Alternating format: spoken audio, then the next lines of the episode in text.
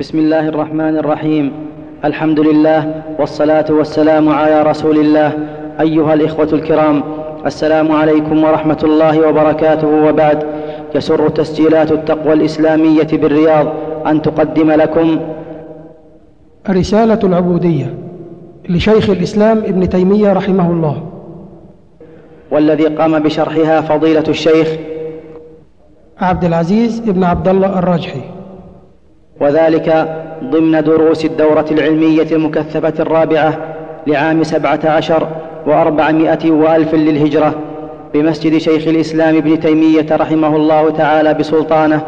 نسأل الله أن ينفع بها المسلمين. والآن مع الشريط الثاني. ثم تأتي الغلاة الذين يحتجون يشهدون الحقيقة الكونية يحتجون بالقدر في كل شيء يخالفون فيه الشريعة. هؤلاء في المرتبة الثانية نعم. هذا القسم الثاني نعم. وقول هؤلاء شر من قول اليهود والنصارى وهو من جنس قول المشركين الذين قالوا لو شاء الله ما أشركنا ولا آباؤنا ولا حرمنا من شيء وقالوا لو شاء الرحمن ما عبدناهم وهؤلاء من أعظم أهل الأرض تناقضا بل كل من احتج بالقدر فإنه متناقض. فإنه لا يمكن أن يقر كل آدمي على ما ي... فإنه لا يمكن أن يقر لا يمكنه أن يقر كل آدمي. فإنه لا يمكنه أن يقر كل آدمي على ما يفعل فلا بد إذا ظلمه ظالم أو ظلم الناس ظالم وسعى في الأرض بالفساد وأخذ يسفك دماء الناس ويستحل الفروج ويهلك, ويهلك الحرث والنسل ونحو ذلك من أنواع الضرر التي لا قوام للناس بها أن يدفع هذا القدر وأن يعاقب الظالم وأن يعاقب الظالم بما يكف عدوانه وعدوان أمثاله فيقال له إن كان القدر حجة فدع كل أحد يفعل ما يشاء بك وبغيرك وإن لم يكن حجة بطل أصل قولك إن يعني القدر حجة. يعني إن هذا الذين يحتجون بالقدر في كل شيء متناقضون. لا يستطيعون أن يحتجوا بالقدر في كل شيء. بل هم يحتجون به في أمور الدين. إذا تركوا الواجبات احتجوا بالقدر. إذا فعلوا المحرمات احتجوا بالقدر. لكن في أمور دنياهم ما يحتجون بالقدر. لو جاء إنسان وضربه ما يقول هذا مقدر ويسكت. يطالب بحقه لو جاء إنسان وأخذ ماله يطالب بحقه ما يسكت. لو جاء إنسان قطع عضو منه ما يسكت. ما يقول هذا مقدر. فيقال لا أنت متناقض إذا إما إن كان القدر حجة فدع كل شيء يفعل بك وبغيرك. وإن كان وإن لم يكن حجة بطل أصل قولك. لماذا تحتج به في أمور الدين ولا تحتج به في أمور الدنيا؟ نعم. وأصحاب هذا القول الذين يحتجون بالحقيقة الكونية لا يطردون هذا القول ولا يلتزمونه. لا يطردونه. لا يطردون هذا القول ولا يلتزمونه. وإنما هم يتبعون آراءهم وأهواءهم. كما قال فيهم بعض العلماء أنت عند الطاعة قدري وعند المعصية جبري. أي مذهب وافق هواك تمذهبت به؟ ومنهم يعني يعني إنهم لا يطردون يعني لا يستمرون. لا يستمرون ويحتجون به في كل شيء بل يحتجون به فيما يناسبهم ولا يحتجون به فيما لا يناسبهم. إذا أرادوا ترك الأوامر وفعل النواهي احتجوا بالقدر وإذا أرادوا أن يطالبوا بحقوقهم الدنيوية احتجوا به. فصاروا متناقضين نعم. ومنهم ومنهم صنف يدعون التحقيق والمعرفة ويزعمون أن الأمر والنهي لازم لمن شهد لنفسه أفعالا وأثبت له صفات أما من شهد أن أفعاله مخلوقة أو أنه مجبور على ذلك وأن الله هو المتصرف فيه كما يحرك سائر المتحركات فإنه يرتفع عنه الأمر والنهي والوعد والوعيد. وقد يقولون من شهد الإرادة سقط, عن سقط عنه التكليف ويزعمون أن الخضر سقط عنه التكليف لشهوده الإرادة. فهؤلاء يفرقون بين العامة والخاصة. هذا الصنف الثالث. يقسمون الناس إلى قسمين. قسم عليهم تكاليف وقسم ما عليهم تكاليف. فالقسم الذي عليهم التكاليف الذين أثبتوا أفعالا لأنفسهم وأثبتوا صفات لأنفسهم هؤلاء يسمون أهل الشريعة. لهم تكاليف عليهم أوامر ولهم نواهي يجب عليهم يلتزموا بالشريعة. والقسم الثاني الخاص الذين لم يثبتوا لأنفسهم أفعالا ولا صفات بل جعلوا أفعالهم هي أفعال الله وشهدوا إرادة الله. يشهدون الإرادة يعني يشهدون إرادة الله الكونية فقط وينسون أنفسهم. حتى إن صفاتهم وأفعالهم يجعلون صفات الله هؤلاء تسقط عنهم التكليف. ما تكون عليهم تكاليف لا أوامر ولا نواهي. يفعل ما يشاء.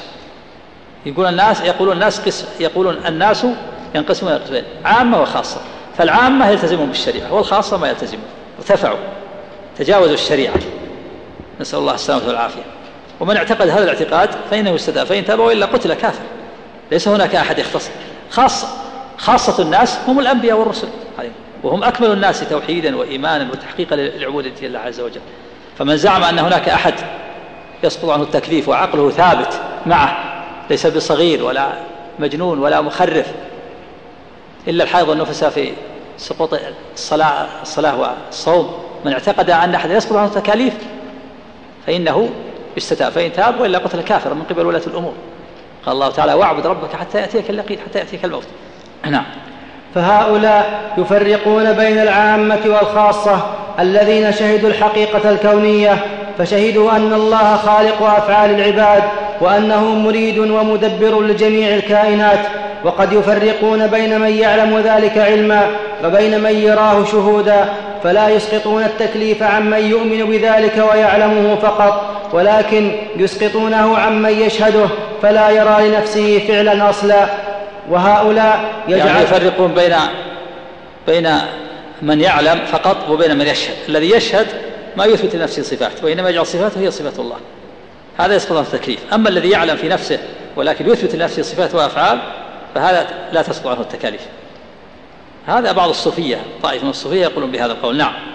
وهؤلاء يجعلون الجبر وإثبات القدر مانعا من التكليف على هذا الوجه. وقد وقع في هذا طوائف من المنتسبين إلى التحقيق والمعرفة والتوحيد وسبب ذلك أنه ضاق نطاقهم عن كون العبد يؤمر بما يقدر عليه خلافه كما ضاق نطاق المعتزلة ونحوهم من القدرية عن ذلك.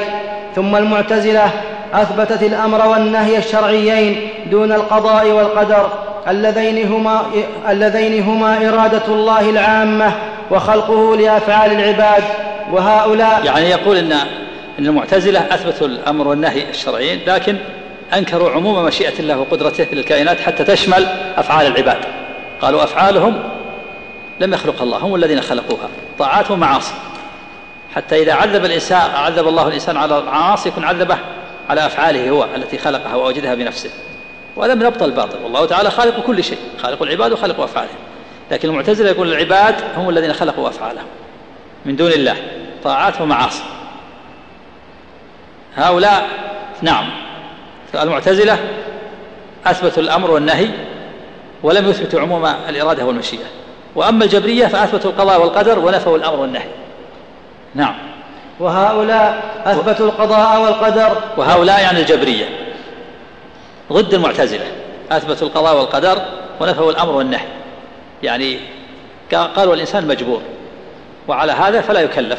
صار مجبور ما يكلف ولا يؤاخذ بالمحرمات التي فعلها. نعم. وهؤلاء أثبتوا القضاء والقدر ونفوا الأمر والنهي في حق من شهد القدر. إذ لم يمكنهم ذلك نفي إذ لم يمكنهم يمكن. نفي إذ لم يمكنهم. إذ لم يمكنهم نفي ذلك مطلقا. وقول هؤلاء شر من قول المعتزلة. لهذا وجه ذلك أن المعتزلة يعظمون الأمر والنهي يعظمون الشريعة. بخلاف هؤلاء فإنهم لا يعظمون الأوامر والنواهي ولذلك صار قولهم شر من قول المعتزلة. نعم. لهذا لم يكن من السلف من هؤلاء أحد وهؤلاء لم يكن من السلف يعني جبري يحتج بالقدر. نعم. وهؤلاء يجعلون الأمر والنهي للمحجوبين الذين لم يشهدوا هذه الحقيقة الكونية. هؤلاء اللي يحتجون بالقدر يجعلون الأمر والنهي للمحجوبين. المحجوبين الذين ما شهدوا الحقيقة الكونية عليهم تكاليف. أما الخاصة اللي انفتح لهم الباب وألغوا صفاتهم وجعلوا صفة لله تسقط عنهم التكاليف. فالناس قسمان. العامة محجوبون عن شهود الإرادة. عليهم تكاليف. والخاصة غير محجوبين فتسقط عنهم التكاليف. نسأل الله السلامة والعافية. نعم. ولهذا يجعلون من وصل, من وصل إلى شهود هذه الحقيقة يسقط عنه الأمر والنهي ويقولون إنه صار من الخاصة. صار من الخاصة وسقط عنه التكليف وصل إلى الله. خلاص ألغى صفاته وأفعاله وجعل صفاته لله. صار يشهد الإرادة الكونية. أما العامة اللي ما وصلوا إلى هذه الدرجة عليهم تكاليف. نعم. وربما تأولوا على ذلك قوله تعالى واعبد ربك حتى يأتيك اليقين. وربما لعله استدلوا. وربما استدلوا على ذلك. في قول الله تعالى واعبد ربك حتى يأتيك اليقين. يحتجون فيما يناسبهم. واعبد ربك حتى يأتيك اليقين ويفسرون اليقين بالعلم. خلاص وصل إلى العلم.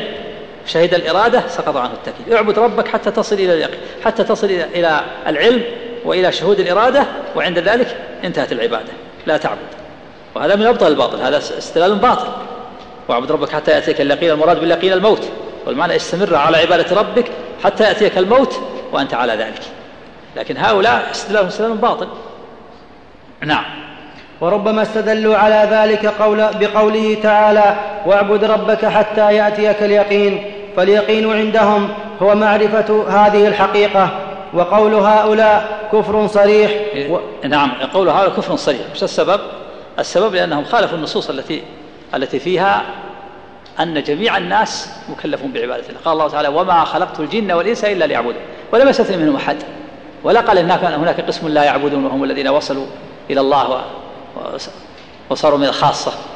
فهؤلاء قولهم كفر صريح. نسأل الله العافية. نعم.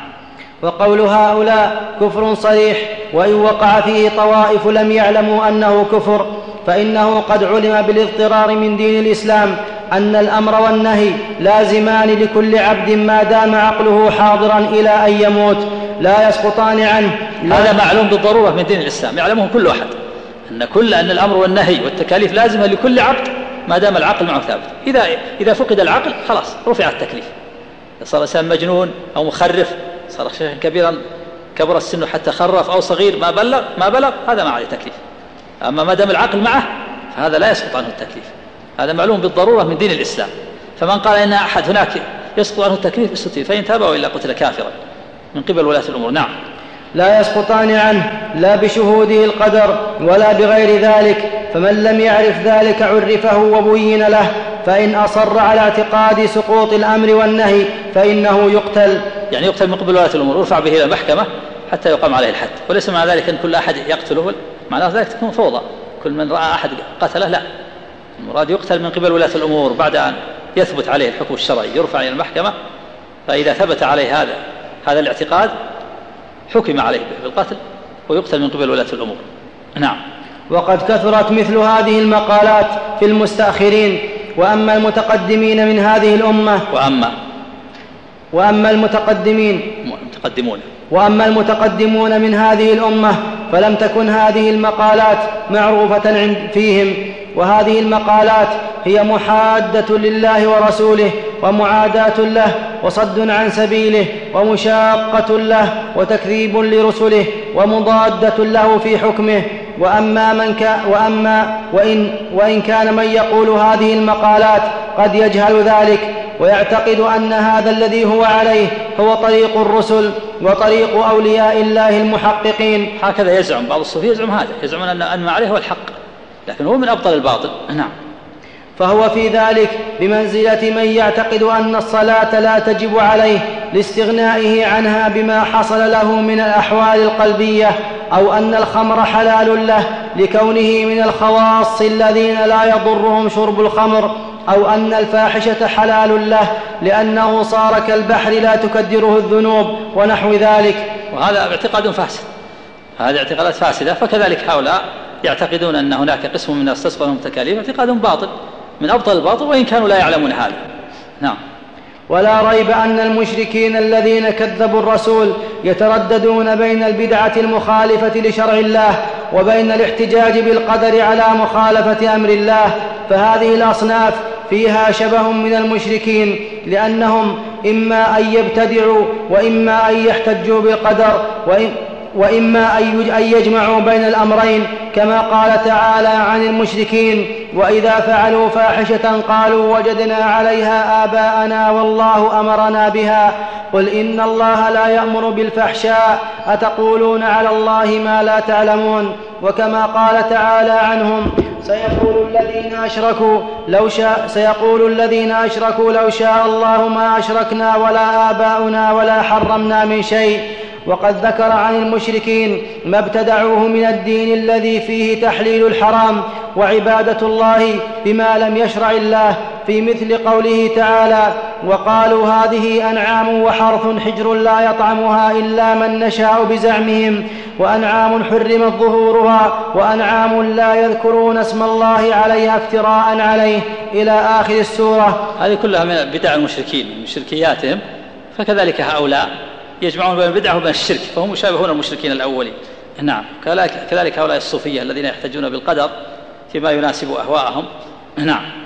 وكذلك في سورة الأعراف في قوله يا بني آدم لا يفتننكم الشيطان كما أخرج أبويكم من الجنة إلى قوله وإذا فعلوا فاحشة قالوا وجدنا عليها آباءنا والله أمرنا بها قل إن الله لا يأمر بالفحشاء أتقولون على الله ما لا تعلمون قل أمر ربي بالقسط وأقيموا وجوهكم عند كل مسجد إلى قوله وكلوا واشربوا ولا تسرفوا إنه لا يحب المسرفين قل من حرم زينة الله التي أخرج لعباده والطيبات من الرزق إلى قوله قل إنما حرم ربي الفواحش ما ظهر منها وما بطن والإثم والبغي بغير الحق وأن تشركوا بالله ما لم ينزل به سلطانا وأن تقولوا على الله ما لا تعلمون وهؤلاء قد يسمون ما قد يسمون ما أحدثوه من البدع حقيقة كما يسمون ما يشهدون من القدر حقيقة.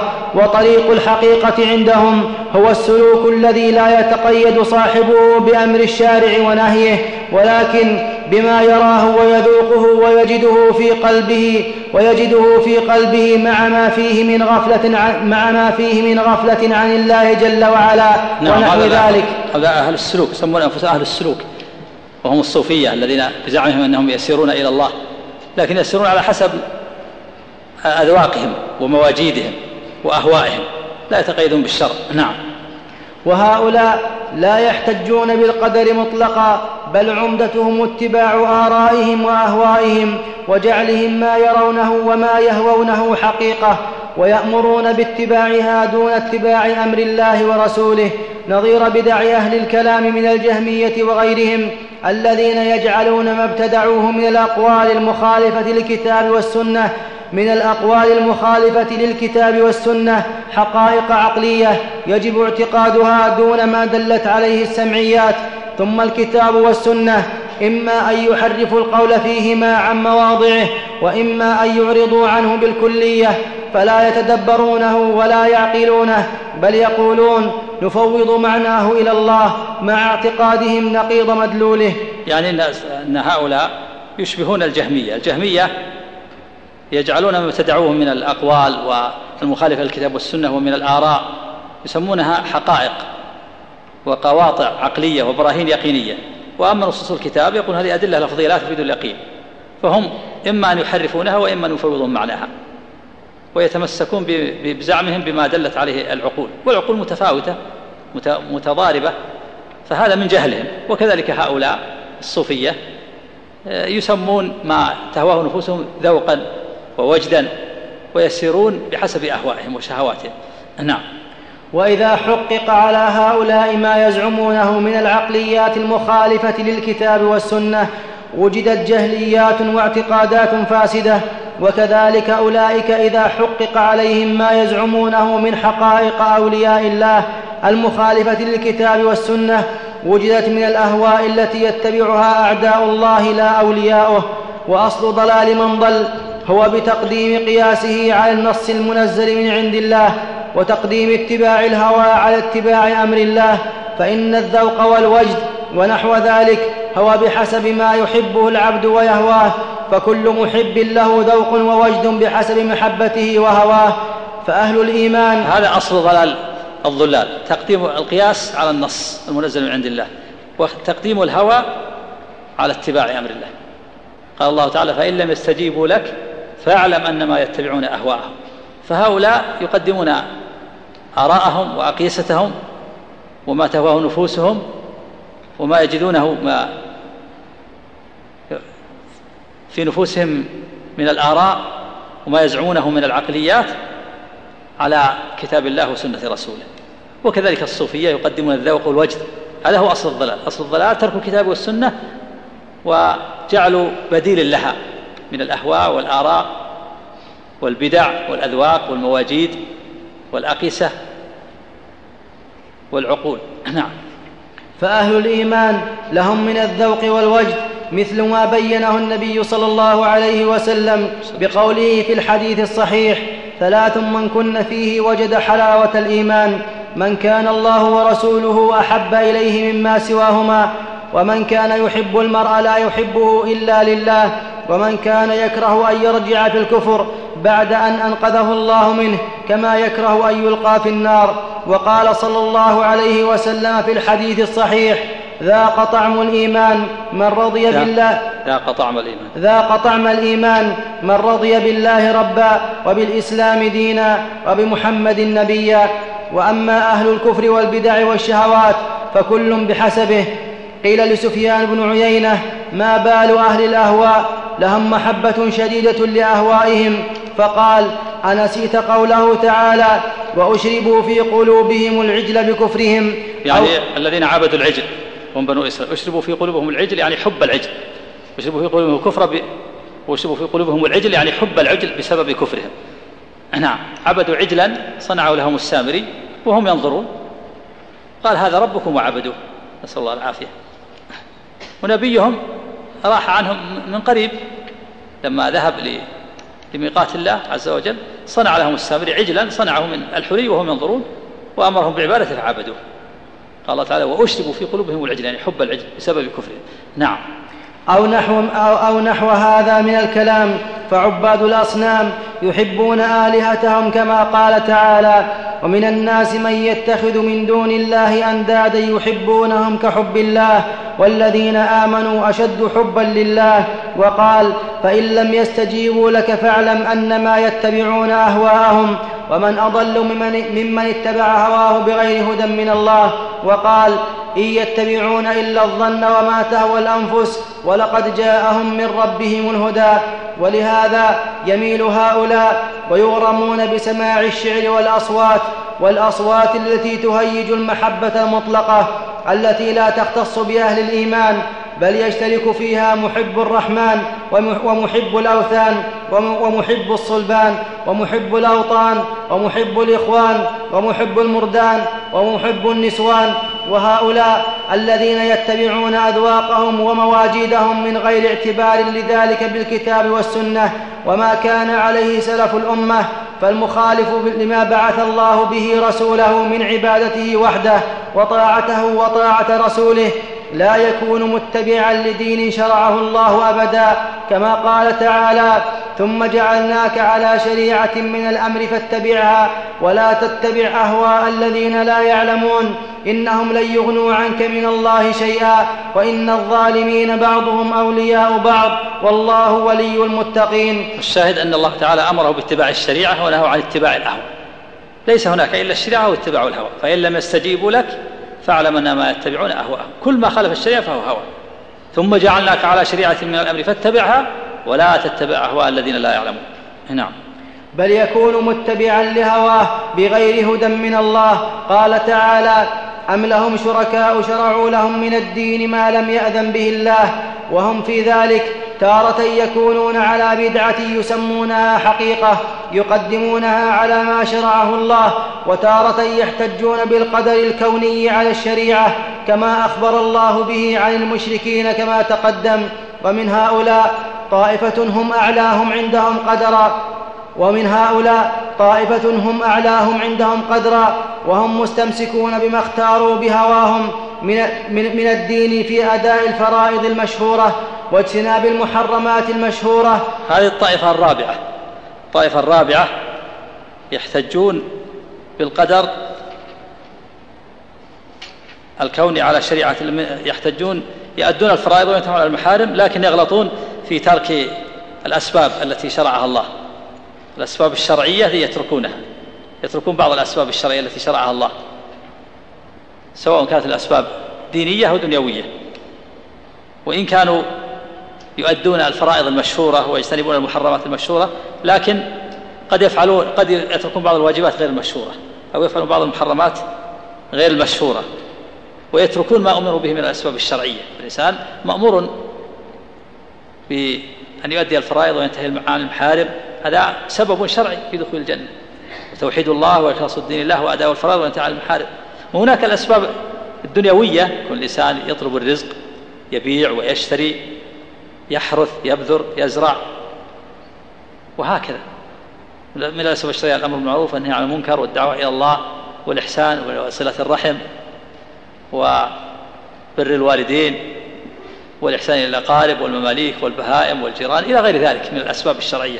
هؤلاء قد يتركون بعض الأسباب الشرعية سواء كانت دينية أو دنيوية. هذه الطائفة الرابعة. نعم. لكن يضلون بترك, بترك ما أمروا به من الأسباب التي هي عبادة ظانين أن العارف إذا شهد القدر أعرض عن ذلك مثل من يجعل التوكل منهم أو الدعاء أو الدعاء منهم ونحو ذلك من مقامات العامة دون الخاصة. بناء على أن من شهد القدر علم أن ما قدر سيكون فلا حاجة إلى ذلك وهذا ضلال مبين. خلاص شهد القدر وشهد الإرادة خلاص فلا حاجة به إلى فعل الأسباب. هكذا يزعمون هؤلاء. نعم.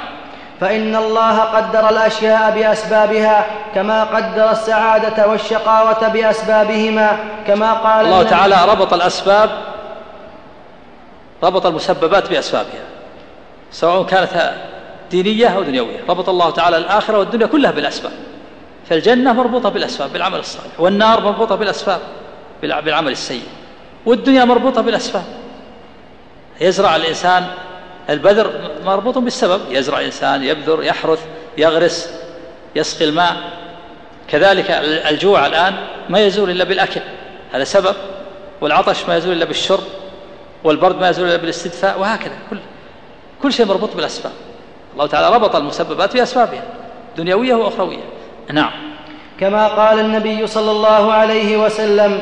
إن الله خلق للجنة أهلا خلقها لهم وهم في أصلاب آبائهم وبعمل أهل الجنة يعملون وخلق للنار أهلا خلقها لهم وهم في أصلاب آبائهم وبعمل أهل النار يعملون.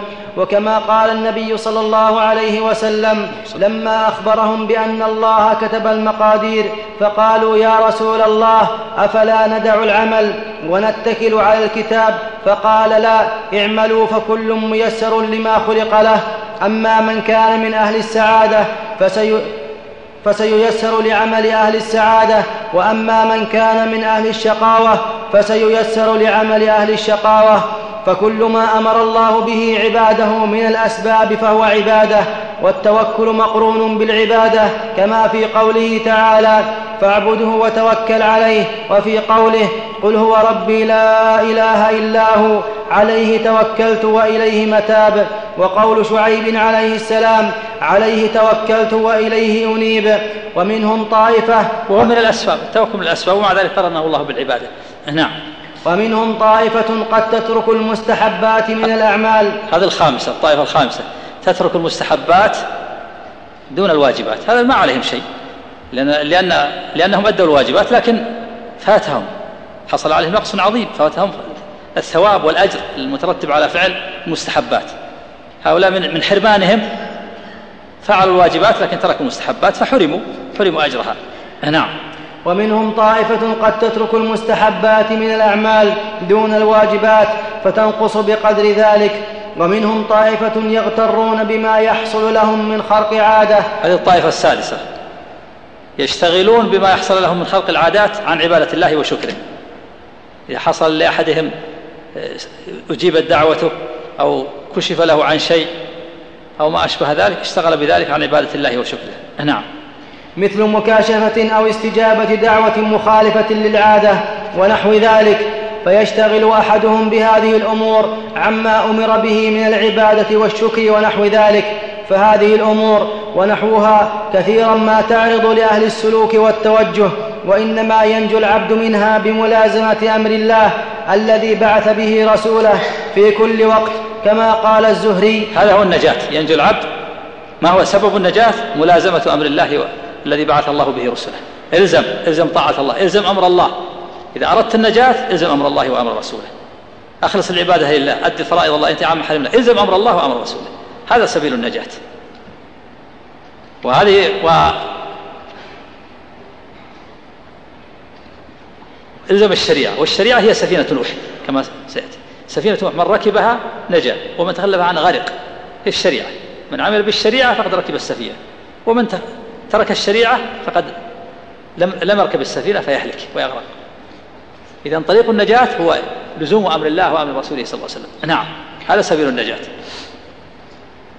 كما قال الزهري كان من مضى من سلفنا يقولون الإعتصام بالسنة نجاة وذلك أن السنة كما قال مالك رحمه الله مثل سفينة نوح من ركبها نجا ومن تخلف عنها غرق والعبادة والطاعة والاستقامة ولزوم الصراط المستقيم ونحو ذلك من الأسماء مقصودها واحد ولها أصلان أحدهما ألا يعبد إلا الله. الثاني ألا يعبده إلا بما أمر وشرع. لا يعبده بغير ذلك من الأهواء والظنون والبدع. هذا هذان أصلان لا بد منهما في العبادة. ما تصح أي عبادة إلا بهذين الأصلين. الأصل الأول أن لا يعبد إلا الله وهذا هو معنى شهادة أن لا إله إلا الله.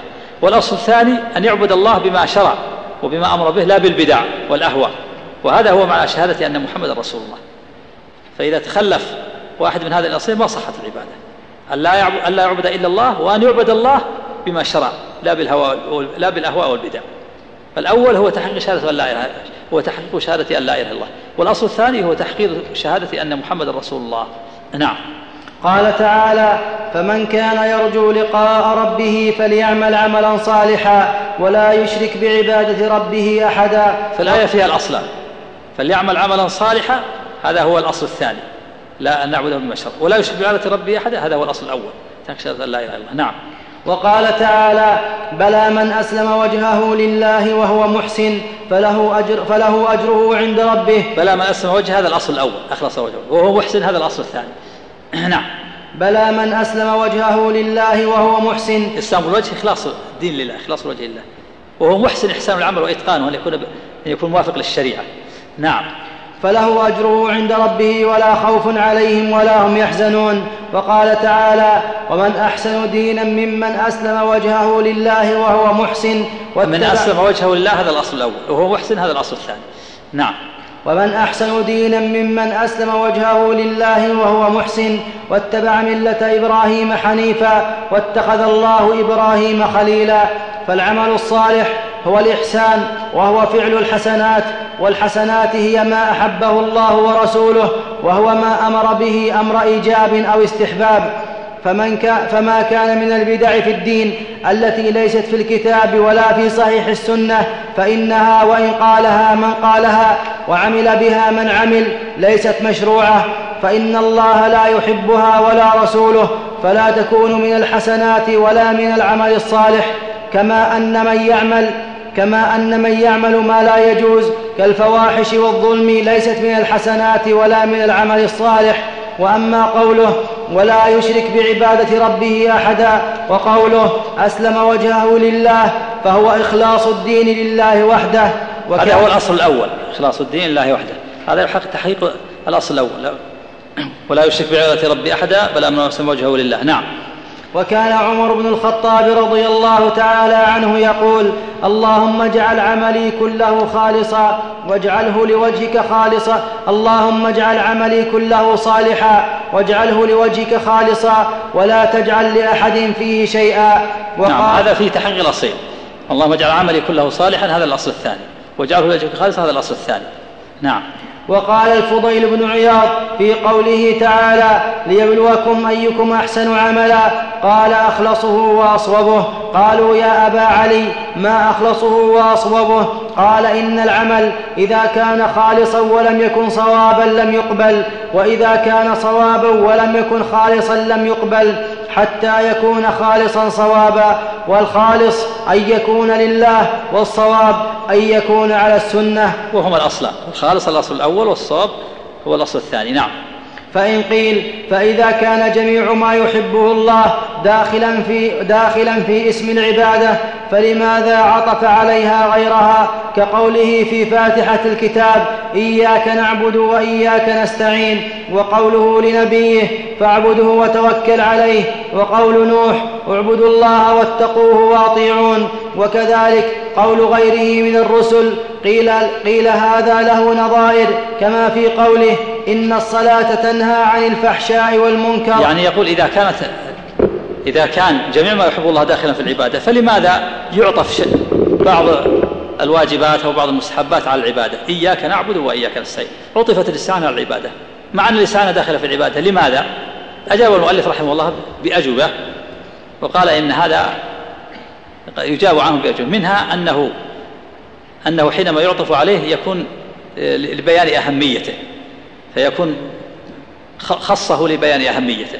أو لأنه إذا عطف عليه يكون ليس داخلا. يكون داخلا عند إذا لم يعطف عليه. أما إذا عطف عليه فإنه لا يكون داخلا. كالفقير والمسكين. الفقير إذا أطلق دخل فيه المسكين. والمسكين إذا أطلق دخل فيه الفقير. وإذا اجتمع صار الفقير أشد حاجة. نعم. والفحشاء من المنكر وكذلك قوله إن الله يأمر بالعدل والإحسان وإيتاء ذي القربى وينهى عن الفحشاء والمنكر والبغي. وإيتاء ذي القربى هو من العدل والإحسان كما أن الفحشاء والبغي من المنكر. وكذلك قوله والذين يمسكون بالكتاب وأقاموا الصلاة وإقامة الصلاة من أعظم التمسك بالكتاب. وكذلك قوله عن أنبيائه إنهم كانوا يسارعون في الخيرات ويدعوننا رغبا ورهبا ودعاؤهم رغبا ورهبا من الخيرات وأمثال ذلك في القرآن كثير وهذا الباب يكون تارة مع كون أحدهما بعض الآخر فيعطف عليه تخصيصا له بالذكر لكونه مطلوبا بالمعنى العام والمعنى الخاص. يعني يكون مطلوب مرتين مرة بالمعنى العام ومرة بالمعنى الخاص على هذا القول نعم. وتارة تتنوع دلالة الاسم بحال الإفراد بحال الانفراد والاقتران. فإذا فإذا أفرد عم فإذا أفرد عم وإذا قرن بغيره خص كاسم الفقير كاسم الفقير والمسكين. لما أفرد أحدهما في مثل قوله للفقراء الذين أحصروا في سبيل الله وقوله أو إطعام عشرة مساكين دخل فيه الآخر. ولما قرن بينهما في قوله إنما الصدقات للفقراء والمساكين. صار نوعين وقد صارا نوعين وقد قيل إن الخاص المعطوف على العام لا يدخل في العام حال الاقتران بل يكون من هذا الباب. والتحقيق أن هذا ليس لازما. قال تعالى من كان عدوا لله وملائكته ورسله وجبريل وميكال وقال تعالى فعطف جبريل وميكال على الملائكة وهم من الملائكة. نعم. وقال تعالى وإذ أخذنا من النبيين ميثاقهم ومنك ومن نوح وإبراهيم وموسى وعيسى ابن مريم وذكر الخاص مع العام يكون لأسباب متنوعة تارة لكونه له خاصية ليست لسائر أفراد العام كما في نوح وإبراهيم وموسى وعيسى. لأنهم افضل الملائكة أولو العزم. نعم. وتارة لكون العام فيه إطلاق قد لا يفهم منه العموم كما في قوله هدى للمتقين الذين يؤمنون بالغيب ويقيمون الصلاة ومما رزقناهم ينفقون والذين يؤمنون بما أنزل إليك وما أنزل من قبلك فقوله يؤمنون بالغيب يتناول كل الغيب الذي يجب الإيمان به لكن فيه إجمال فليس فيه دلالة على أن الغيب فليس فيه دلالة على أن من الغيب ما أنزل إليك وما أنزل من قبلك. وقد يكون المقصود أنهم يؤمنون بالمخبر به وهو الغيب وبالإخبار بالغيب وهو ما, أنزل إليك وما أنزل من قبلك. ومن هذا الباب قوله تعالى اتل ما أوحي إليك من الكتاب وأقم الصلاة وقوله والذين يمسكون بالكتاب وأقاموا الصلاة وتلاوة الكتاب هي اتباعه والعمل به كما قال ابن مسعود في قوله تعالى الذين آتيناهم الكتاب يتلونه حق تلاوته. هذه التلاوة تنقسم إلى قسمين تلاوة بمعنى العمل به وتلاوة بمعنى القراءة. المراد بالآية هنا تلاوته هو اتباعه والعمل بما فيه. الذين آتيناهم الكتاب يتلون حق تلاوته أي يعملون به. نعم. قال يحلون حلاله ويحرمون حرامه ويؤمنون بمتشابهه ويعملون بمحكمه فاتباع الكتاب يتناول الصلاة وغيرها لكن خصها بالذكر لمزيتها وكذلك قوله لموسى إنني أنا الله لا إله إلا أنا فاعبدني وأقم الصلاة لذكري وإقامة الصلاة لذكره من أجل عبادته. لكن خصها بالذكر لأهميتها. وهي من العبادة نعم. وكذلك قوله تعالى اتقوا, اتقوا الله وقولوا قولا سديدا وقوله اتقوا الله وابتغوا إليه الوسيلة وقوله اتقوا الله وكونوا مع الصادقين فإن هذه الأمور هي أيضا من تمام تقوى الله. وكذلك قوله فاعبده وتوكل عليه فإن التوكل هو الاستعانة وهي من عبادة الله لكن خصت بالذكر ليقصدها المتعبد بخصوصها فإنها هي العون على سائر أنواع العبادة إذ هو سبحانه لا يعبد إلا بمعونته. نعم. نعم. إذا تبين هذا فكمال المخلوق في تحقيق عبوديته لله وكلما ازداد العبد تحقيقا للعبودية. وهذا شامل لكل مخلوق. كماله في تحقيق العبودية. كلما حقق العبودية كمل عند الله وازداد قربا من الله. وإذا نقصت عبوديته نقصت نقص كماله ونقص قربه من الله. وهذا شامل للأنبياء والرسل وللملائكة ولغيرهم وللجن والإنس. كل من حقق العبودية كل ما كان الإنسان أكمل في تحقيق العبودية كان أقرب إلى الله وازداد درجة وعلوا من الله. وإذا ضعف تحقيقه للعبودية بعد من الله ونزلت درجته ومرتبته عند الله. نعم. إذا تبين هذا فكمال المخلوق في تحقيق عبوديته لله وكلما ازداد العبد تحقيقا للعبودية ازداد كماله وعلى, وعلى درجته.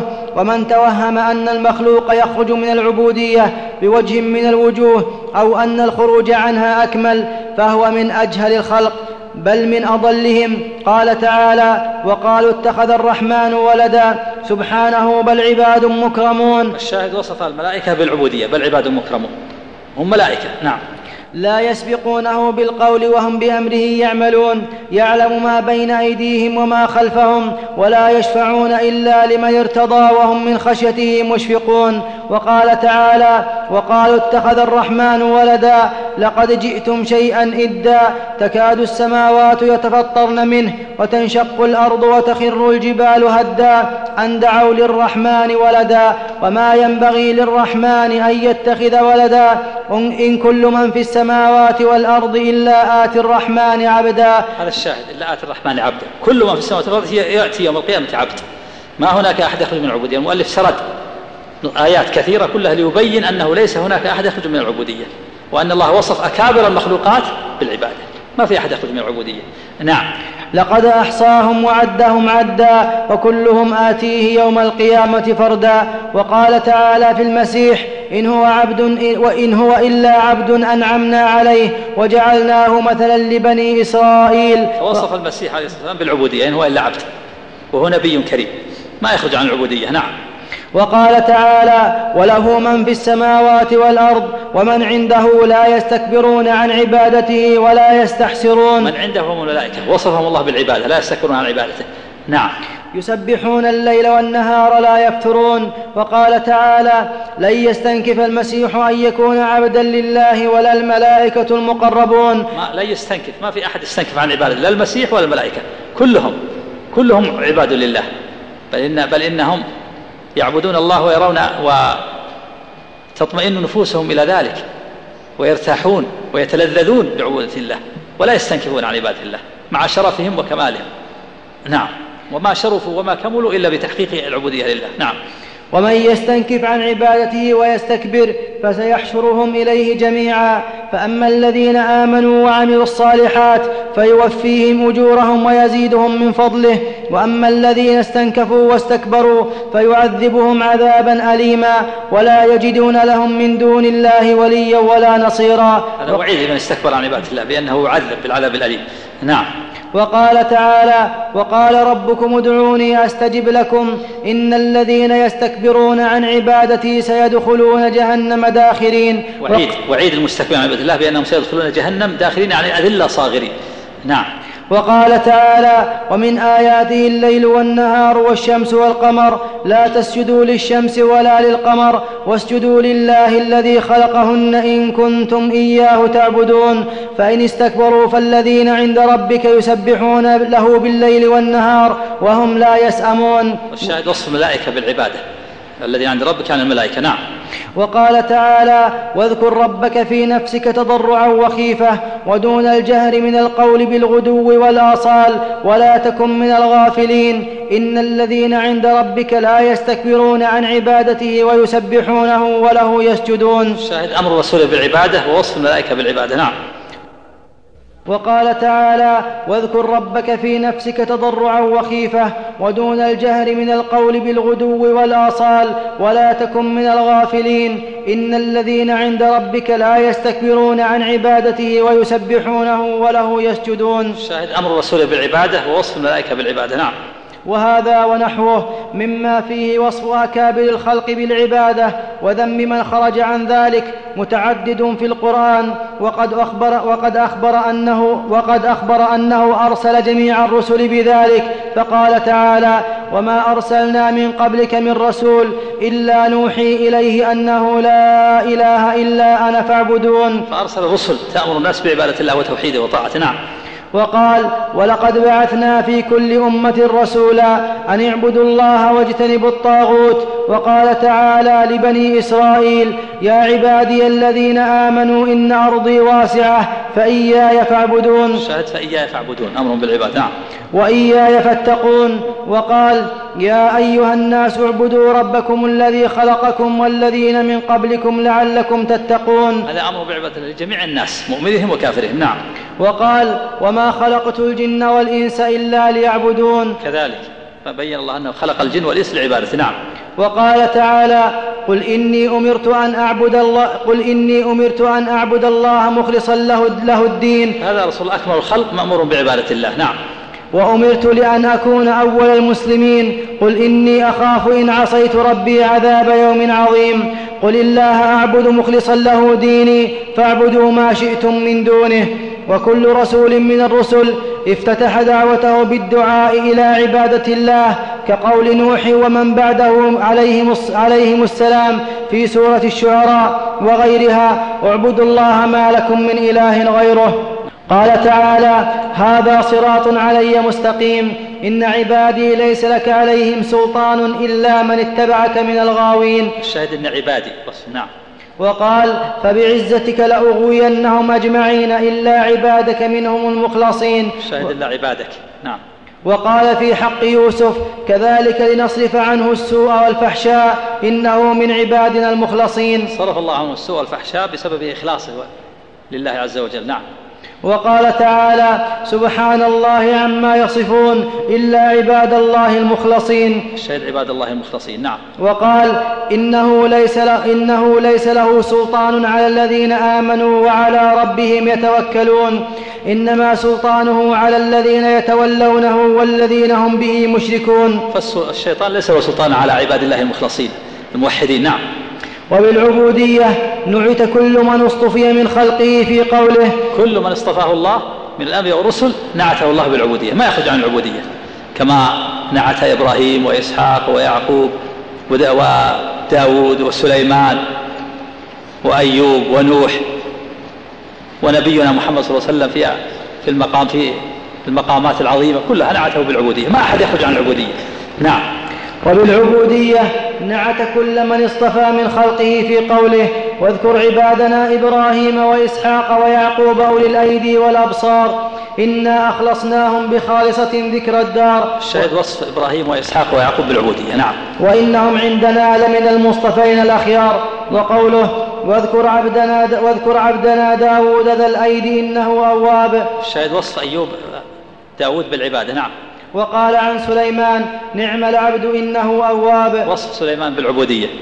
نعم. وعن أيوب نعم العبد. وصف أيوب بالعبودية. وقال عنه واذكر عبدنا أيوب إذ نادى ربه. وصف أي... أيوب بالعبودية. نعم. وقال عن نوح عليه السلام ذرية من حملنا مع نوح إنه كان عبدا شكورا. وصف نوح بالعبودية. نعم. وقال عن خاتم رسله سبحان الذي أسرى بعبده ليلا من المسجد الحرام إلى المسجد الأقصى. هذا وصف نبينا صلى الله عليه وسلم بالعبودية في مقام الإسراء وهو مقام عظيم. نعم. وهو أولى القبلتين وقد خصه الله بأن جعل العبادة فيه بخمسمائة ضعف والمقصود بمضاعفة الحسنات هو المسجد الذي حرقه اليهود عليهم لعنة الله ويظن البعض هذا هذا زيادة هذا مو من كلام الشيخ. هذا مو موجود.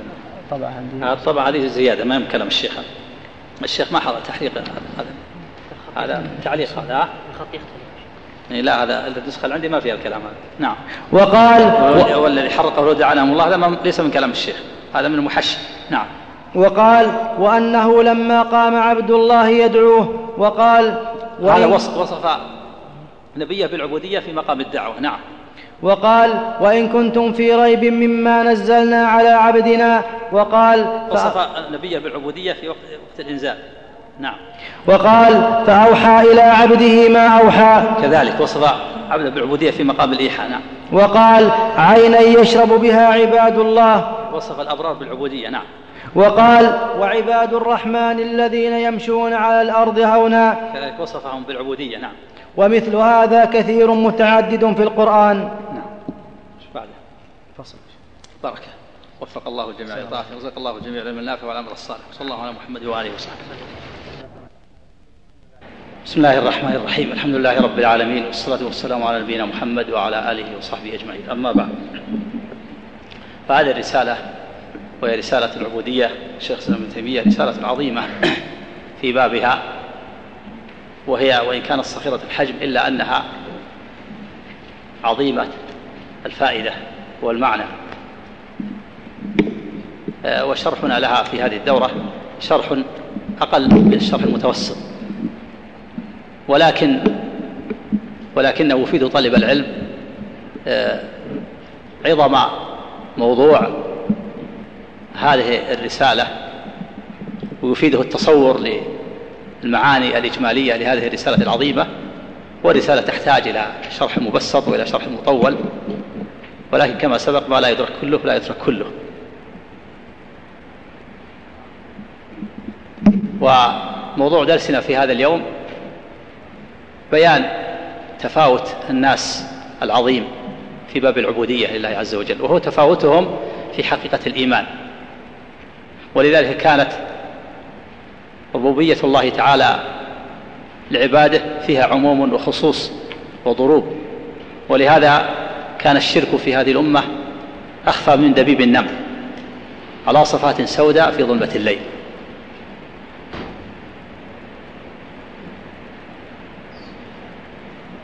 والعبودية هي عبودية القلب. فمتى استعبد القلب لشيء كان عبدا له. فإذا كان القلب متعبدا لله فهو عبد لله. وإذا كان متعبدا لغيره فهو عبد لغيره. فإن العبودية عبودية القلب. ولو كان الجسد مأسورا أو مسجونا والقلب مرتاح فإنه لا يضره هذا السجن. وإذا كان القلب معبدا لغير الله ولو كان حرا طريقا فإنه عبد. فالعبودية عبودية القلب كما أن الغنى غنى النفس. وعبودية الله عبودية العبد لربه تستلزم موافقته لله في محبوباته ومسخوطاته. فولي الله عبد الله على الحقيقة هو الذي يحب ما يحبه الله. ويكره ما يكرهه الله ويبغض ما يبغضه الله ويوالي من والاه الله ويعادي من عاداه الله ويحب من أحبه الله ويبغض من أبغضه الله ويعطي لله ويمنع لله. فيكون دينه كله لله. ومحبة محبوب الله من محبة الله عز وجل.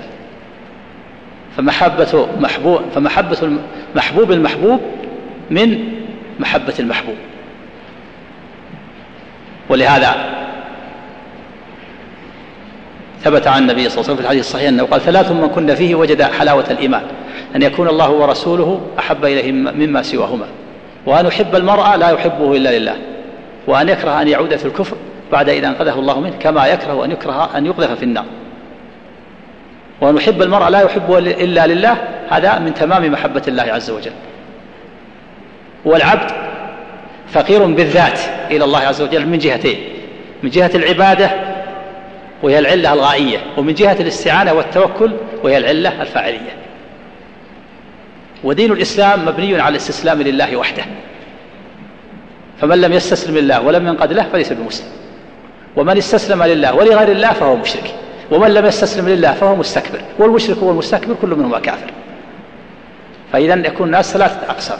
قسم استسلم لله فقط مع إخلاص الدين لله عز وجل والإيمان بالله ورسوله هذا هو المؤمن حقا وقسم استسلم لله في الظاهر لكنه ليس مؤمن في الباطن وهؤلاء منافقون.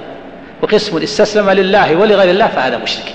وقسم استكبر على الله لم يستسلم لله فهو المستكبر مثل فرعون ومن على شاكلته. ففرعون وإبليس مستكبرون عن عبادة الله لم يستسلموا. والمنافقون مستسلمون لله في الظاهر لكنهم غير مؤمنين في الباطن. فيكونون كفرة. والمشركون مستسلمون لله ومستسلمون لغير الله. فهم مشركون. والمؤمن مستسلم لله وحده فقط ولا يستسلم لغيره وهو مؤمن في الباطن. نعم نقرأ.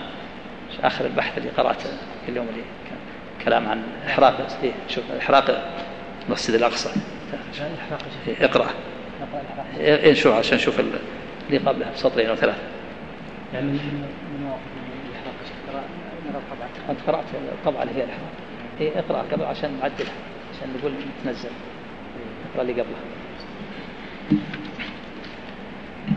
بسم الله الرحمن الرحيم. الحمد لله رب العالمين وصلى الله وسلم على نبينا محمد وعلى اله وصحبه اجمعين اما بعد قال رحمه الله تعالى وقال عن خاتم رسله سبحان الذي اسرى بعبده ليلا من المسجد الحرام إلى المسجد الاقصى وهو اولى القبلتين سبحان الذي اسرى بعبده ليلا من المسجد الحرام إلى المسجد الاقصى الشاهد ان الله وصف نبيه ورسوله محمد صلى الله عليه وسلم بالعبوديه في مقام الاسراء نعم وهو اولى القبلتين وقد خصه الله بأن جعل العبادة فيه بخمسمائة ضعف والمقصود بمضاعفة الحسنات هو المسجد الذي حرقه اليهود. عليه لعنة الله. هذا ليس من كلام شيخ الإسلام هو المسجد الذي حرقه اليهود لأنه ما حرق في زمنه. التحريق هذا بعد زمنه. هذه زيادة تجعلها أسفل. هذه من النساخ. والنسخة اللي عندي ليس فيها الكلام هذا وليس فيه أولى هو أولى القبلتين. من قوله وهو أولى القبلتين إلى هذه تجعلها أسفل. هذه تعليق ليست من ليست من الرسالة. وهو أولى القبلتين إلى قول حرقه اليهود لعنهم الله ليست من كلام شيخ الإسلام. لأن تحريق اليهود هذا كان بعد شيخ الإسلام بمدة. نعم. ويظن البعض أن المسجد الأقصى هو الصخرة والقبة المحيطة بها وليس كذلك. مم. ما في حرقه اليهود؟ بس إلى هنا زيادة إيش بعد؟ بس ثم وقال وأنه لما قام عبد الله يدعوه. هذه موجودة. إيه. هذا بس بس هذه بس الجملة الأولى. الجملة. وأنه لما قام عبد الله هذا من كلام شيخ الإسلام. هذا وصف الرسول بالعبودية في مقام الدعوة. وقال وإن كنت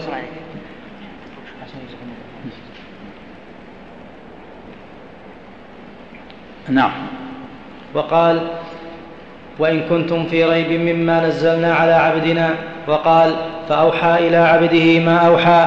وقال عينا يشرب بها عباد الله. وقال وعباد الرحمن الذين يمشون على الأرض هونا ومثل هذا كثير متعدد في القرآن. لا بأس. هذا كله تابع كلام شيخ بس الكلام الأول فيما يتعلق بالمسجد الأقصى والقبلتين وأنه أحرقه اليهود لعنهم الله هذا ليس من كلام شيخ الإسلام. تجعلها أسفل تعليق. نعم. فصل في التفاضل بالإيمان. إذا تبين ذلك فمعلوم أن الناس يتفاضلون في هذا الباب تفاضلا عظيما. وهو تفاضلهم في حقيقة الإيمان. يعني في باب العبودية لله. تفاضلون تفاضلا عظيما. في هذا الباب يعني باب العبودية لله. وهو تفاضلهم في حقيقة كما المعنى أنهم يتفاضلون في الإيمان بالله ورسوله وهذا هو تفاضلهم في عبودية الله. نعم.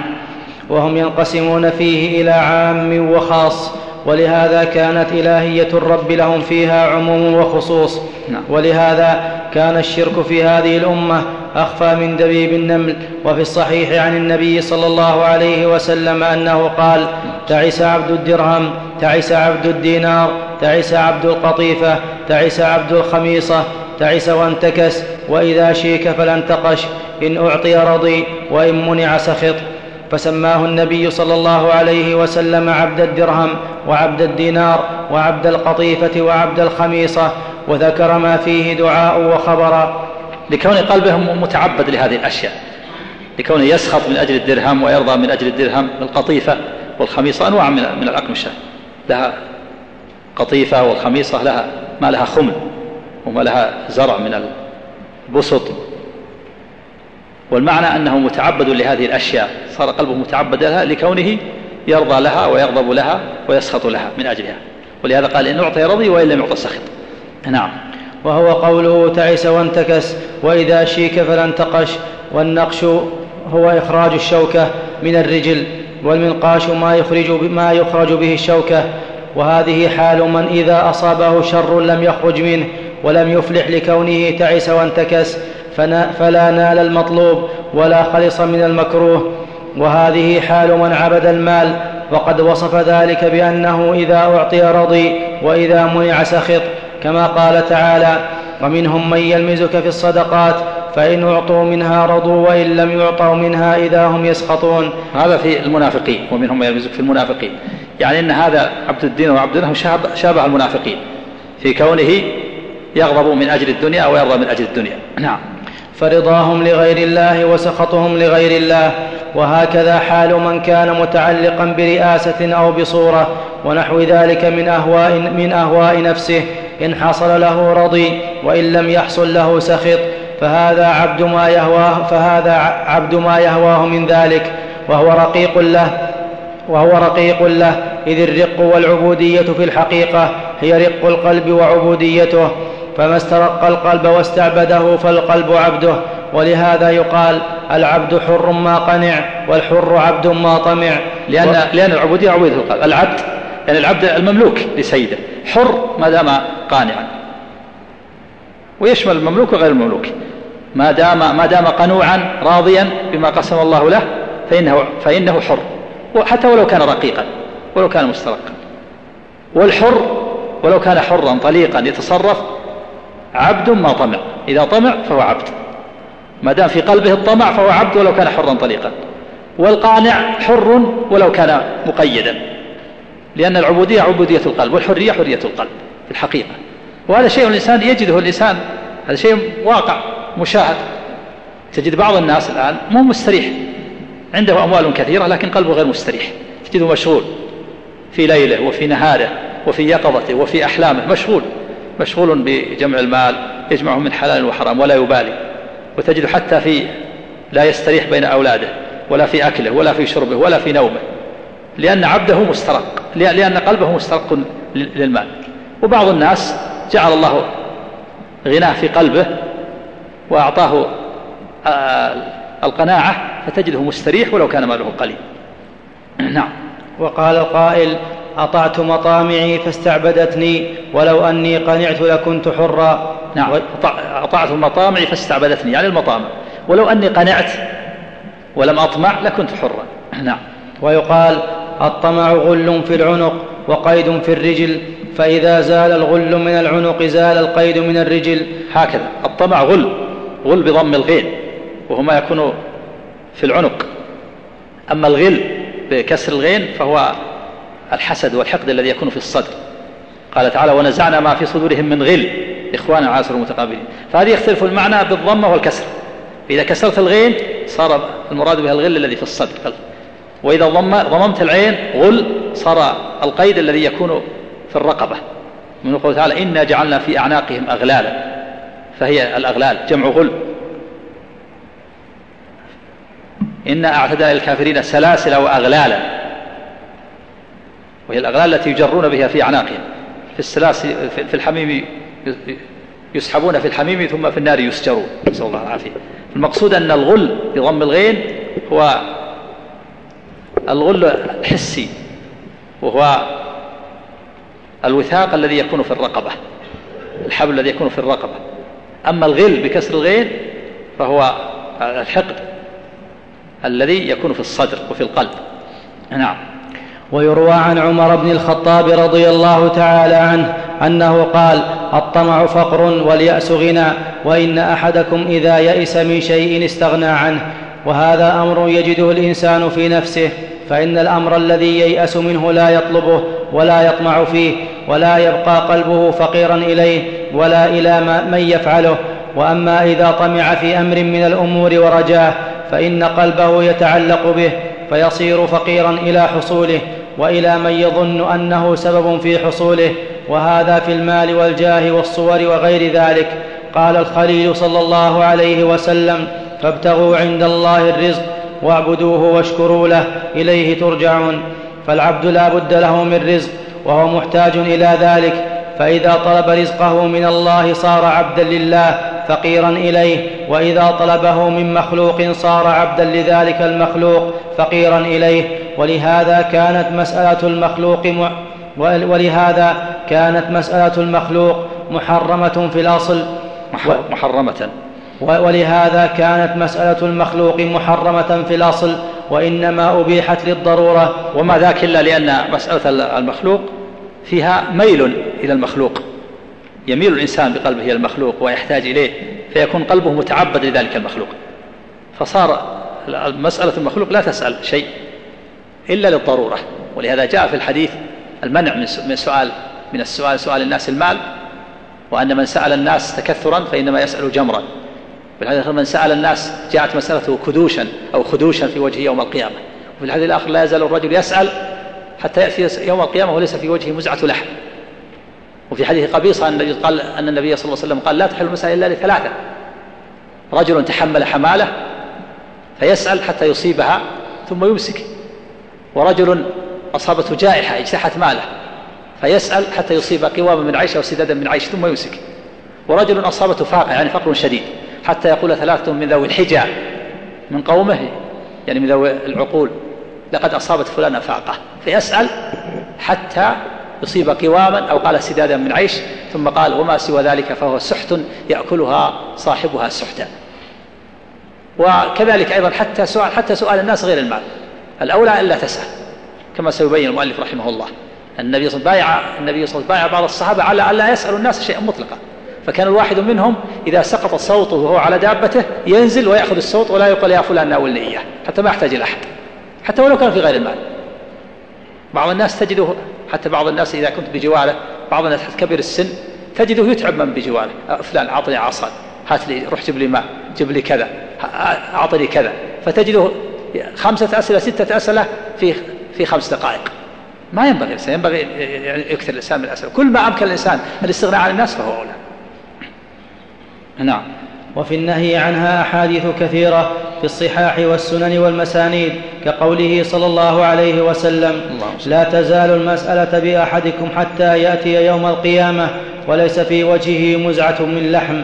وقال من سأل الناس وله ما يغنيه جاءت مسألته يوم القيامة خدوشا أو خموشا أو كدوشا في وجهه وقوله لا تحل المسألة إلا, إلا لذي غرم إلا لذي غرم مفضع مفضع.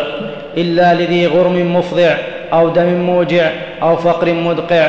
يعني هذا اللي يتحل المسألة ذي غرم يعني تحمل حمالة في ذمته يصلح بين قبيلتين أو بين قريتين. أو بين شخصين أو بين زوجين وتحمل في ذمته أموال يعطي هؤلاء عشرة آلاف هؤلاء عشرة آلاف هؤلاء ألف هذا ألف فهذا يسأل يسأل حتى حتى حتى, حتى يجد هذا الشيء حتى يحصل هذا الشيء الذي تحمله حتى ولو كان غنيا. إذا تحمل في ذمته ديونا من أجل الإصلاح بين الناس يعطى حتى من الزكاة فهو من الغارمين. تقديرا له على هذا العمل النبيل. إذا أصلح بين شخصين أو بين قبيلتين أو بين طائفتين أو بين زوجين وتحمل في ذمة ديون يعطى من الزكاة ما يسدد هذه الديون. تشجيعا له على هذا العمل النبيل. هذا يسمى ذو غرم غرامة أو دم موجع أصاب دم. يعني إما مثلا بسبب قتل. من المعلوم أن قتل الخطأ هذا يكون على على العاقلة. لكن قد لا يكون له عاقلة أو يكون مثلا عمد أو شبه عمد مثلا و وعفي عنه. فالمقصود أنه إذا كان صاحب دم فإنه يسأل حتى يسدد هذا الدين عليه. والثاني الفقر المدقع الشديد. يسأل بمقدار حاجته فإذا وجد ما يسدد حاجته وحاجة أولاده يقف يمسك. نعم. وهذا المعنى في الصحيح وفيه أيضا لأن يأخذ أحدكم حبله فيذهب فيحتطب. خير له من أن يسأل الناس أعطوه أو منعوه. وقال ما أتاك من هذا المال وأنت غير سائل ولا مستشرف فخذه وما لا فلا تتبعه نفسك. فلا تتبعه نفسك. وما لا فلا تتبعه نفسك. فكره أخذه من مع فكره أخذه مع سؤال اللسان. فكره. فكره أخذه مع سؤال اللسان واستشراف القلب. وقال في الحديث الصحيح من يستغني يغنيه الله ومن يستعفف يعفه الله ومن يتصبر يصبره الله. وما أعطي أحد عطاء وما أعطي أحد عطاء خيرا وأوسع من الصبر. وأوصى خواص أصحابه ألا يسألوا الناس شيئا. وفي المسند أن أبا بكر كان يسقط الصوت من يده فلا يقول لأحد ناولني إياه ويقول إن خليلي أمرني ألا أسأل الناس شيئا.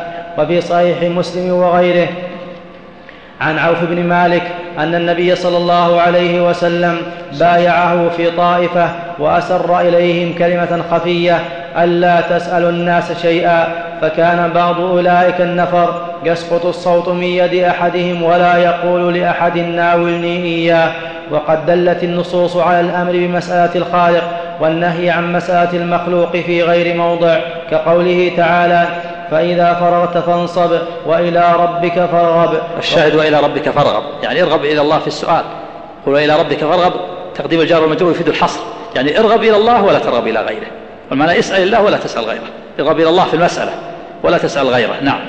وقول النبي صلى الله عليه وسلم لابن عباس إذا سألت فاسأل الله وإذا استعنت فاستعن بالله.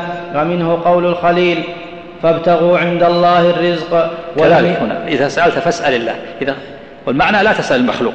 فابتغوا عند الله الرزق. الأصل فابتغوا الرزق عند الله لكن تقديم الظرف يفيد الحصر. والمعنى ابتغوا الرزق عند الله ولا ولا تبتغوه عند غيره. نعم. ولم يقل فابتغوا الرزق, فابتغوا الرزق عند الله لأن تقديم الظرف يشعر بالاختصاص والحصر.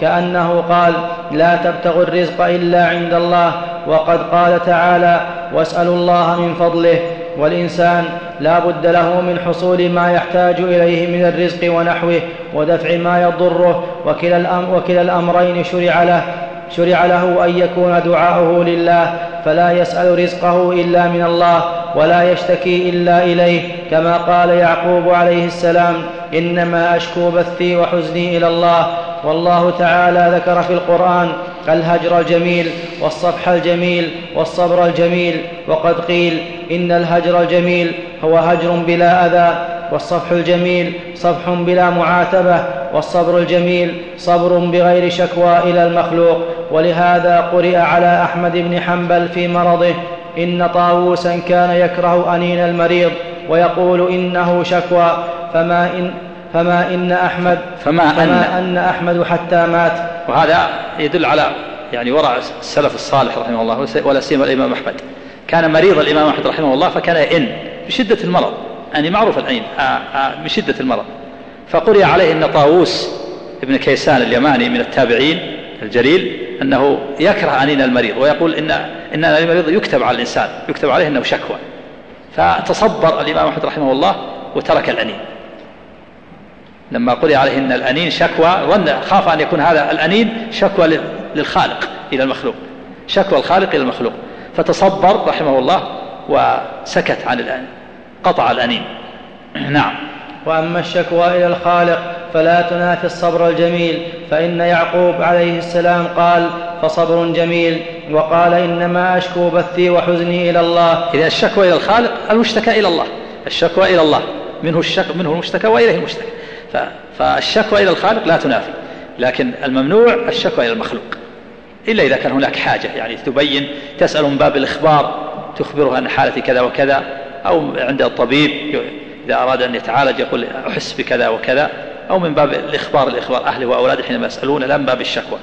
أما الشكوى فلا تجوز. أما الشكوى إلى الخالق فهذه لا تسمى شكوى. ولهذا قال الله عن يعقوب فصبر جميل ثم قال إنما أشكو بثي وحزني إلى الله. فدل على أن شكواه إلى الله لا ينافي الصبر الجميل نعم. وكان عمر بن الخطاب رضي الله تعالى عنه يقرأ في الفجر بسورة يونس ويوسف والنحل فمر بهذه الآية في قراءته فبكى حتى سمع نشيجه من آخر الصفوف. هذا كان عمر رضي الله عنه يقرأ بالسورة الطوال كلها سورة يونس ويوسف والنحل. لما طعن كان يقرأ بهذه السورة الطوال رضي الله عنه حتى يجتمع الناس في الركعة الأولى. لأن صلاة الفجر مشروع فيها تطوير القراءة ولأن الناس بعد اليقظة من النوم بحاجة إلى سماع كلام الله وتدبره فكان يقرأ بهذه السور الطوال فكان يمر بهذه الآية عندما أشكو بثي وحزني إلى الله فيبكي حتى يسمع نشيجه من آخر الصفوف. آخر الصفوف يسمع نشيجا من البكاء من كان بالله يعرف كان منه أخوف نعم. ومن دعاء موسى اللهم لك الحمد وإليك المشتكى وأنت المستعان وبك المستغاث. الشاهد وإليك المشتكى. فالشكوى إلى الله لا تنافي الصبر. نعم. وعليك التكلان ولا حول ولا قوة إلا بالله. وفي الدعاء الذي دعا به النبي صلى الله عليه وسلم لما فعل به أهل الطائف ما فعلوا. اللهم إليك أشكو ضعف قوتي وقلة حيلتي وهواني على الناس. يا أرحم الراحمين. أنت رب المستضعفين وأنت ربي. اللهم إلى من تكلني. إلى بعيد يتجهمني أم إلى عدو ملكته أمري إن لم يكن بك غضب علي فلا أبالي غير أن عافيتك أوسع إلي.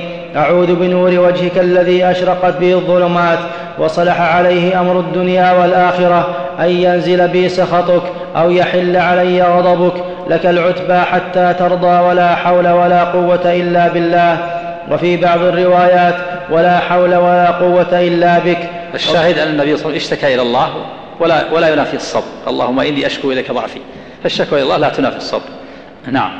وكلما قوي طمع العبد في فضل الله ورحمته لقضاء حاجته ودفع ضرورته قويت عبوديته له قويت عبوديته له وحريته مما سواه فكما أنه فكما أن طمعه في المخلوق يوجب عبوديته له فيأسه منه يوجب غنى قلبه عنه. كما قيل استغن عن من شئت تكن نظيره وأفضل على من شئت تكن أميره واحتج إلى من شئت تكن أسيره. بالنصب بالنصب استغن عن من شئت تكن نظيره وأفضل على من شئت تكن أميره واحتج إلى من شئت تكن أسيره.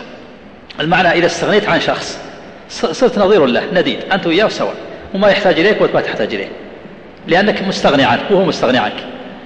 استغني عما شئت تكن نظيره يعني مثيلا له وأفضل على ما شئت تكن أميرة إذا أعطيت أحد شيء فأنت أمير عليه وهو عبد لك لأنك أنت تفضل تفضل أنت الذي أفضلت وأنت الذي أعطيت. أفضل على من شئت تكن أميرة تكن أميرا عليه واحتج إلى ما شئت تكن أسير إذا احتجت إلى شخص فأنت أسير. أنت أسير وعبد له لأنك محتاج إليه تعلق قلبك به. فالشخص الذي تستغني عنه نظير لك ومثيل والشخص الذي يحتاج إليك أنت أمير عليه. والشخص الذي تحتاج إليه أنت أسير له. نعم. كما قيل استغن عن من شئت تكن نظيره وأفضل على من شئت تكن اميره واحتج إلى من شئت تكن اسيره فكذلك طمع العبد في, في ربه ورجاؤه له يوجب عبوديته له. وإعراض قلبه عن الطلب من الله والرجاء له. يوجب انصراف يوجب انصراف قلبه عن العبودية لله.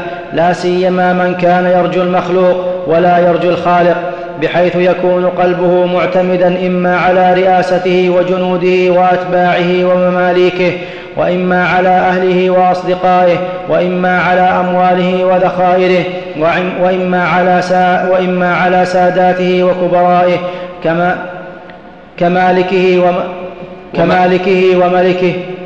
نعم وشيخه ومخدومه. كمالكه وملكه وشيخه ومخدومه وغيرهم ممن هو قد مات أو يموت. قال تعالى وتوكل على الحي الذي لا يموت وسبح بحمده وكفى به بذنوب عباده خبيرا. وكل من, عل وكل من علق قلبه بالمخلوقين أن ينصروه أو يرزقوه أو يهدوه خضع قلبه لهم وصار فيه من العبودية لهم بقدر ذلك وإن كان في الظاهر أميرا لهم مدبرا لأمورهم متصرفا بهم فالعاقل ينظر إلى الحقائق لا إلى الظواهر. لأن, لأن العبرة بالحاجة فإذا احتاج إلى أحد علق قلبه به وإذا استغنى عنه صار ليس متعلقا قلبه به. فإذا علق الإنسان قلبه بالله وأنزل حوائجه بالله صار قلبه عبدا لله. وإذا أنزل حوائجه بالمخلوقين صار عبدا لهم نعم. فالعاقل ينظر إلى الحقائق لا إلى الظواهر. فالرجل إذا تعلق قلبه بامرأة ولو كانت مباحة له يبقى قلبه أسيرا لها تحكم فيه وتتصرف بما تريد. تحكم فيه. تحكم فيه. تحكم فيه وتتصرف بما تريد وهو في الظاهر سيدها لأنه زوجها أو مالكها ولكنه في الحقيقة هو أسيرها ومملوكها. وهذا واقع. إذا تعلق رجل بامرأة ولو كانت زوجته مثلا تجده تجده هي زوجته هو هو الزوج في الظاهر وهو الولي في الظاهر وهو صاحب البيت صاحب النفقة لكن هي اللي تدبره في كل شيء ولا يقدر يتخلف لأن قلبه متعبد له. شدة المحبة والتعلق. نعم. ولا سيما إذا علمت بفقره إليها وعشقه لها وأنه لا يعتاض عنها بغيرها فإنها حينئذ تتحكم فيه تحكم السيد القاهر الظالم في عبده المقهور الذي لا يستطيع الخلاص منه بل أعظم فإن, فإن أسر القلب أعظم من أسر البدن واستعباد القلب أعظم من استعباد البدن. فإن من استعبد بدنه واسترق وأسر لا يبالي إذا كان قلبه مستريحا من ذلك مطمئنا. بل يمكنه الاحتيال في. بل يمكنه الاحتيال في الخلاص. وأما لأن المحبوس من حبس قلبه عن الله. ما دام قلبه حر مستريح قلبه مرتاح فلا يضره. ولا يضره ما يصيب جسده. لأن العبرة بالحرية والعبودية والراحة براحة القلب. نعم. وأما إذا كان القلب الذي هو ملك الجسم رقيقا مستعبدا متيما لغير الله فهذا هو فهذا هو الذل والأسر المحض والعبودية الذليلة لما, لما استعبد القلب والعبودية الذليلة لما استعبد لما استعبد القلب. لما استعبد والعبودية الذليلة لما استعبد القلب. وعبودية القلب وأسره هي التي يترتب عليها الثواب والعقاب. وعبودية القلب وأسره. وعبودية القلب وأسره هي التي يترتب عليها الثواب والعقاب. فإن المسلم لو أسره كافر أو استرقه فاجر بغير حق لم يضره ذلك إذا كان قائما بما يقدر عليه من الواجبات. ومن استعبد بحق إذا أدى حق الله وحق مواليه فله أجران. ولو أكره على التكلم بالكفر فتكلم به وقلبه مطمئن بالإيمان لم يضره ذلك. وأما من استعبد قلبه فصار عبدا لغير الله فهذا يضره ذلك. ولو كان في الظاهر ملكا ولو, ولو كان في الظاهر ملك الناس. يعني العبرة بعبودية القلب.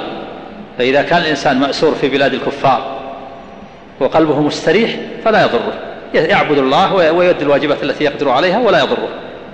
ولا يضره ذلك. حتى ولو أكره على التكلم بكلمة الكفر وتكلم قلبه مطمئنا بالإيمان مطمئن بالإيمان لا يضره ذلك.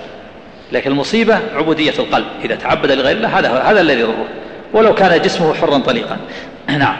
فالحرية حرية القلب والعبودية عبودية القلب. كما أن الغنى غنى النفس. قال النبي صلى الله عليه وسلم ليس الغنى عن كثرة العرض وإنما الغنى غنى النفس. يعني كثرة العرض العرض الأموال والأثاث والأمتعة. ليس الغنى غنى عن كثرة العرض وإنما الغنى غنى النفس. بعض الناس عنده أموال طائلة وأثاث وأمتعة وشركات ومؤسسات لكن قلبه فقير. ما يشبع. تجد قلبه دائم متعلق بالدنيا دائم متعب. عنده نكد في قلبه. لا يستريح ولا يطمئن لا في نومه ولا في أكله ولا في شربه ولا في جلوسه مع أهله لأن قلبه فقير. وإن كان عنده أموال كثيرة. وبعض الناس أمواله قليلة عنده مال قليل عنده ما يكفيه عنده الكفاف لكن قلبه مستريح مطمئن لما جعل الله في قلبه من القناعة والراحة والطمأنينة. تجده مرتاح في بيته ومع أهله ومع أولاده ومع أقاربه ومع آه، والديه وأرحامه الذين يصلهم. مستريح البال. نعم. وهذا لعمر الله. إذا كان قد استعبد قلبه صورة مباحة فأما من استعبد قلبه صورة محرمة عندك وهذا لعمر الله. نعم. والنسخة اللي عندي وهذا لعمري إذا كان قد استعبد قلبه صورة مباحة. وهذا ليست ليس المراد بها القسم هنا لعمري وإن المراد به تأكيد الكلام. لعمري. هذا جاءت في كلام شيخ الإسلام وكلام ابن القيم كلام بل جاءت في كلام عائشة رضي الله عنها كما ثبت في صحيح البخاري في تفسير سورة يوسف أن عائشة قالت لعمري. بل جاء في حديث في سنن ابن ماجه. المراد به تأكيد الكلام. ولكن قد يأتي أما قوله تعالى لعمرك إنهم لفي سكرتهم يعمهون فهذا قسم من الله بحياة النبي صلى الله عليه وسلم. والله تعالى هو أن يقسم بما شاء من مخلوقاته. نعم. وهذا لعمري والله إذا كان قد استعبد قلبه عندك, لا عندك لعمري ولا لعمر الله. ها؟ عندي لعمر الله. إيه؟ يصلح. لكن وهذه النسخة هذه لعامي ولذلك النسخة تحتاج إلى تحقيق. هذه تحتاج إلى تحقيق علم لأن فيها أخطاء كثيرة. نعم. وهذا لعمر الله إذا كان قد استعبد قلبه صورة مباحة فأما من استعبد قلبه صورة محرمة امرأة أو صبي فهذا هو العذاب الذي لا يدانيه عذاب. وهؤلاء عشاق الصور من أعظم الناس عذابا وأقلهم ثوابا فإن العاشق لصورة إذا بقي قلبه متعلقا بها مستعبدا لها اجتمع له من أنواع الشر والفساد ما لا يحصيه إلا رب العباد. ولو سلم من فعل الفاحشة الكبرى فدوام تعلق القلب بها بلا فعل الفاحشة أشد ضررا عليه ممن يفعل ذنبا ثم يتوب منه ويزول أثره من قلبه وهؤلاء يشبهون وهؤلاء يشبهون بالسكارى والمجانين كما قيل سكران سكر هوى. سك سكراني سكراني. سكران سكر هوى وسكر مدامة ومتى إفاقة ومتى إفاقة من به سكران يعني و... سكران يعني نوعان من السكر. السكر الأول سكر الهوى. الهوى والميل إلى غير الله كالذي يميل إلى عشق امرأة أو غيرها. هذا سكر. والثاني دواء المدام وتعلق القلب بها. يقول سكران سكر هوى وسكر مدامة. ومتى إفاقة من به سكران متى يفيق من سكره؟ شارب الخمر سكر واحد يفيق. إذا انتهى راح ذهبت سكرة الخمر أفاق. لكن من به سكران متى يفيق؟ السكر الأول سكر العشق هذا مستمر. سكر الهوى وهو الميل. والثاني التعلق المستمر الذي لا ينقطع. هذا ما ما يفيق أبد. نعم. وقيل قالوا جننت بمن تهوى فقلت لهم العشق أعظم مما بالمجانين العشق لا, العشق لا يستفيق الدهر صاحبه وإنما يصرع المجنون في حين. نسأل الله العافية. يعني يقول أن العشق أشد من الجنون. لماذا؟ لأن العاشق ما ما يستفيق ما يفيق الدهر كله. قلبه متعلق بمعشوقه. أما المجنون فقد يفيق بعض الأحيان يصرع بعض الأحيان ويفيق بعض الأحيان. أما العاشق هذا ما يستفيق أبد مستمر. سكره مستمر نسأل الله العافية. ولهذا قال العشق لا يستفيق الدهر صاحبه وإنما يصرع المجنون في حينه في بعض الأحيان. نعم. ومن أعظم أسباب هذا البلاء إعراض القلب عن الله فإن القلب إذا, إذا ذاق طعم عبادة الله والإخلاص له لم يكن عنده شيء قط أحلى من ذلك ولا ألذ ولا أمتع ولا أطيب. والإنسان لا يترك محبوبا إلا بمحبوب آخر يكون أحب إليه منه أو خوفا من مكروه. فالحب الفاسد إنما ينصرف القلب عنه بالحب الصالح أو بالخوف من الضرر. قال تعالى في حق يوسف كذلك لنصرف عنه السوء والفحشاء إنه من عبادنا المخلصين. فالله فالله يصرف عن عبده ما يسوءه. هذا يبين المؤلف رحمه الله. الحب الفاسد يخرج عن القلب وينصرف بالحب الصالح. أو بالخوف من الضرر. كذلك اليقين الفاسد الذي في القلب يقول بعض الناس اليقين الفاسد يخرج اليقين الفاسد. جماعة التبليغ يخرج اليقين الفاسد من قلبه.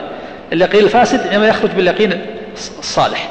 اليقين الصحيح هو الذي يخرج اليقين الفاسد. فإذا كان عنده يقين يقين منحرف يعني اعتقد اعتقادا غير صحيح غير موافق لشرع الله فهذا يزول بالاعتقاد الصحيح.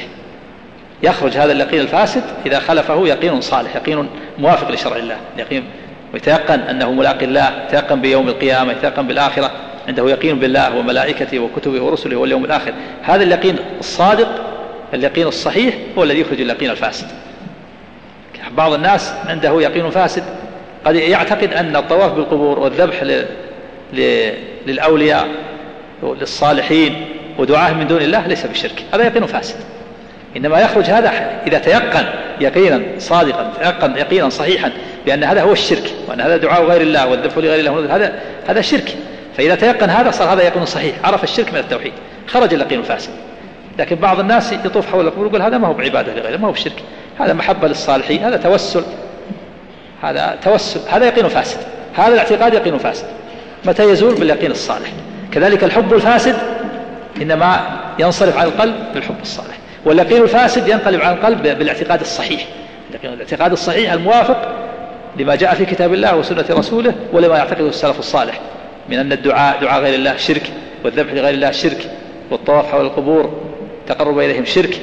هذا يقين اعتقاد صحيح. يخرج اليقين الفاسد الذي يعتقده عباد القبور من أن هذا ليس شركا وإنما هو وسيلة ومحبة للصالحين. جزا الله فضيلة الشيخ خير الجزاء. ونفعنا وإياكم بما سمعنا. وإلى اللقاء مع الشريط التالي. أيها الإخوة بموجب فهرس تسجيلات التقوى فإن رقم هذا الشريط هو أحد عشر ألفا وستمائة وتسعون.